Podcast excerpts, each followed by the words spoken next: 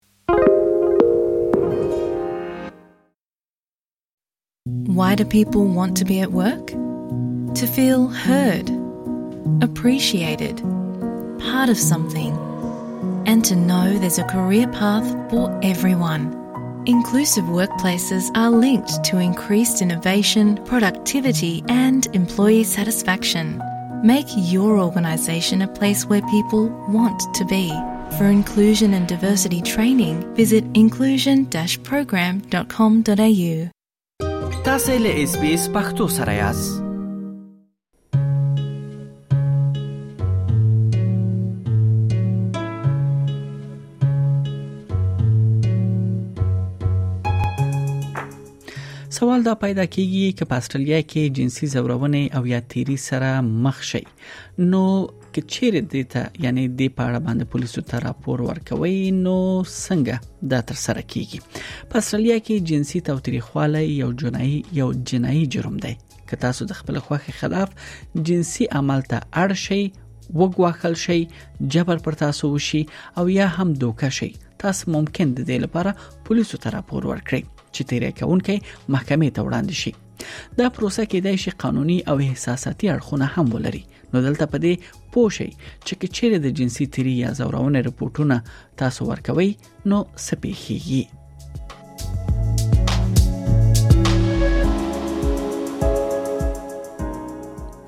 په استرالیا کې هر ورځ په اوسط ډول 15 تیا جنسي تیری ثبت کیږي سیرنه خی چې په هر دریو ځوانانو کې ل یو څخه ډیر په خپل ژوند کې ناغوښتل شوی جنسي اړیکه تجربه کوي که تاسو د جنسي تیری قرباني یاست یا د غیر رضامندۍ د جنسي تیری قرباني شوی اوسئ تاسو ممکن چارواکو ته د خپل تجربې راپور ورکولو په اړه فکر وکړئ ترڅو دغه مرتکب کس د عدلي سیستم سره مخ شي مګر ډيري وختونه دا پریکړه د خورا احساساتي ګډوډۍ سره هم مل وي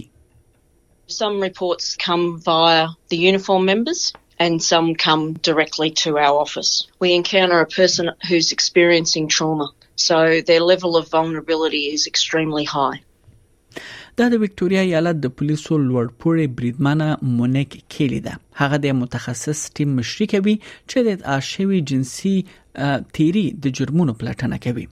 د دوی د اصلي مسولیتونو برخه د قربانیانو سره مرسته کول دي او دا ډله کسان د شکایت کوونکو په نوم پیژندل کیږي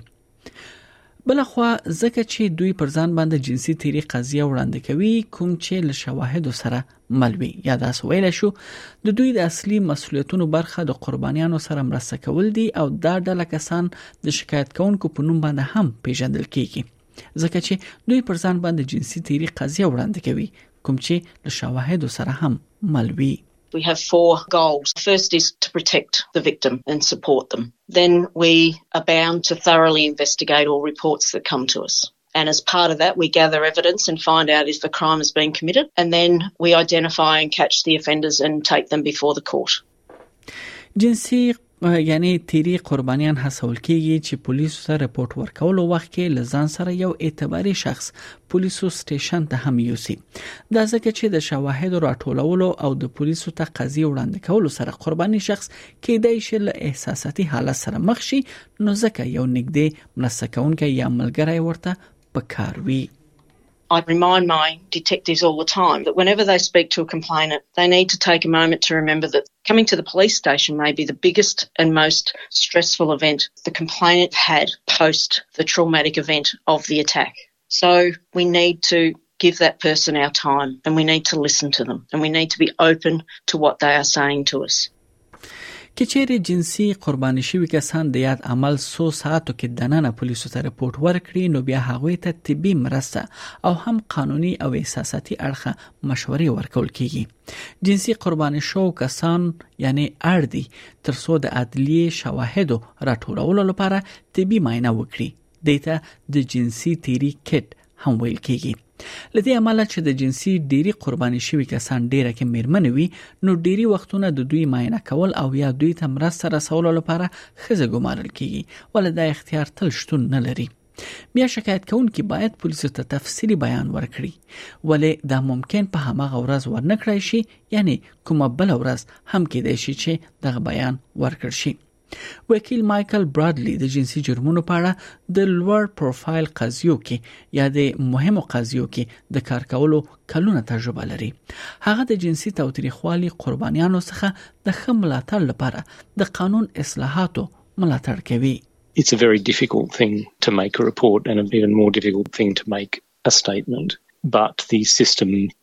really needs the victim to get everything down on paper in one go. Otherwise, the prosecution case ultimately will be prejudiced um, if there are things added to it later or, or need to be corrected. So, so that sort of puts an immediate burden on the victim. سیډونکې ژورنالیست جیس هیل د یو درې برخې مستند فلمونو د یوې برخې په توګه په حقوقي سیستم کې د غیر رضامندۍ جنسي قضیه سره څنګه چلن کیږي تر پوښښ لاندې راوستي د یاد فلم نوم Asking for It دی هغه وایي چې دا د قربانیانو لپاره مهمه ده چې ډاټ ترلاسه کړي چې د دوی بیان سم یعنی د یعنی دوکه او یا هم دروغ پکې موجود نه وي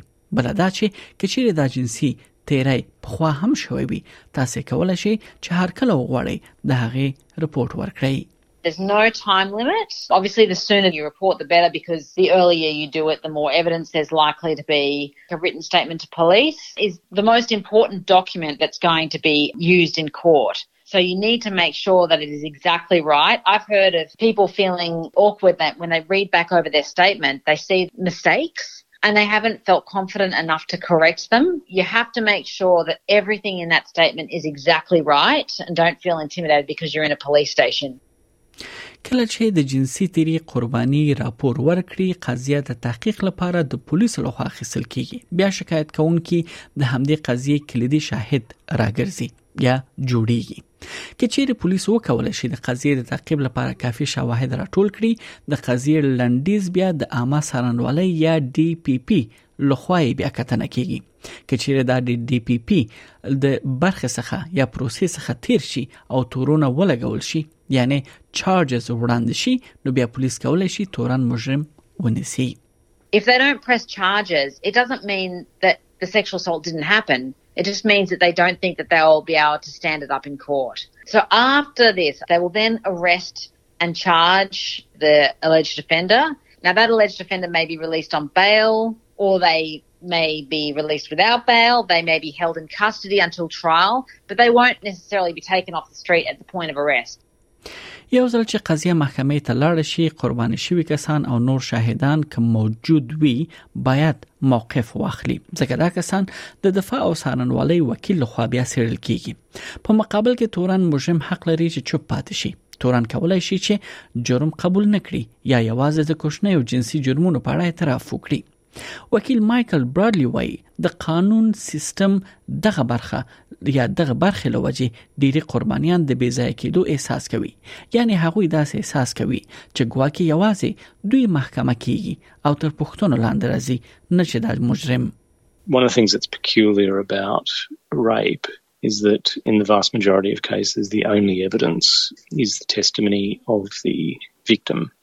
all of the burden is on the prosecution, which has to prove the whole case beyond reasonable doubt, which is a very high burden, and that the sexual act happened without consent, and that if there wasn't consent but the accused believed there was consent, then that belief wasn't reasonable.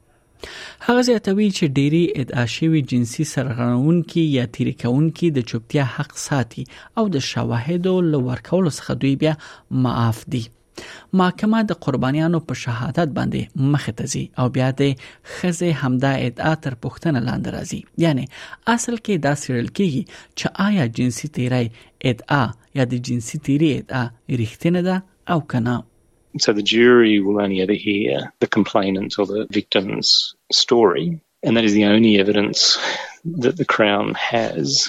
to prove its case. For the defence to raise reasonable doubt, the pathway to that is to raise doubt about the credibility of the victim's testimony. So they will be called a liar.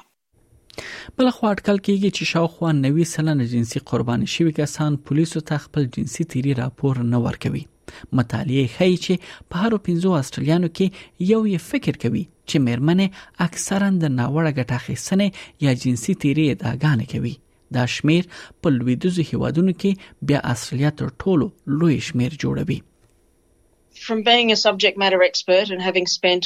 almost a decade in this field, I could say to you that nobody wants to go through this process. So nobody wants to expose themselves to being examined the way that the legal system examines them. So to make up something would be very, very, very unusual. په هر صورت لوړپوړی سرجنټ یا لوړپوړی سرجنټ کیلی وای هغه په ندرت سره د هغه قربانیانو سره مخ کیږي چې چې دروغ وای کې چیرې تورن د کوم تورونو څخه مجرم وو پیژندل شي نو بل ګام بیا د جزا دی جس هیلی دا مسله تشریح کوي sentencing options can range from no conviction recorded to community service. They might even just get a fine. to a prison term, which can also be disheartening for victim survivors sometimes if they feel like the sentence does not match what they were subjected to. And at sentencing, you can deliver usually a victim impact statement, which is a very important moment for a lot of victim survivors where they're able to say how that offence impacted them to the court and particularly to the person who offended against them. په وروستیو کلونو کې د استرالیا ځینې ایالتونه او سیمې خپل قوانین بدلوي ترڅو د جنسي جرمونو مدعیان مکلف کړي ترڅو محکمه کې ثابت کړي چې دوی د جنسي فعالیت کې د ښکیلتیا د مخه مثبت رضایت ترلاسه کړي وو ځینې قضایاوې بیا د هغو کسانو لپاره د جنسي تیری راپور ورکولو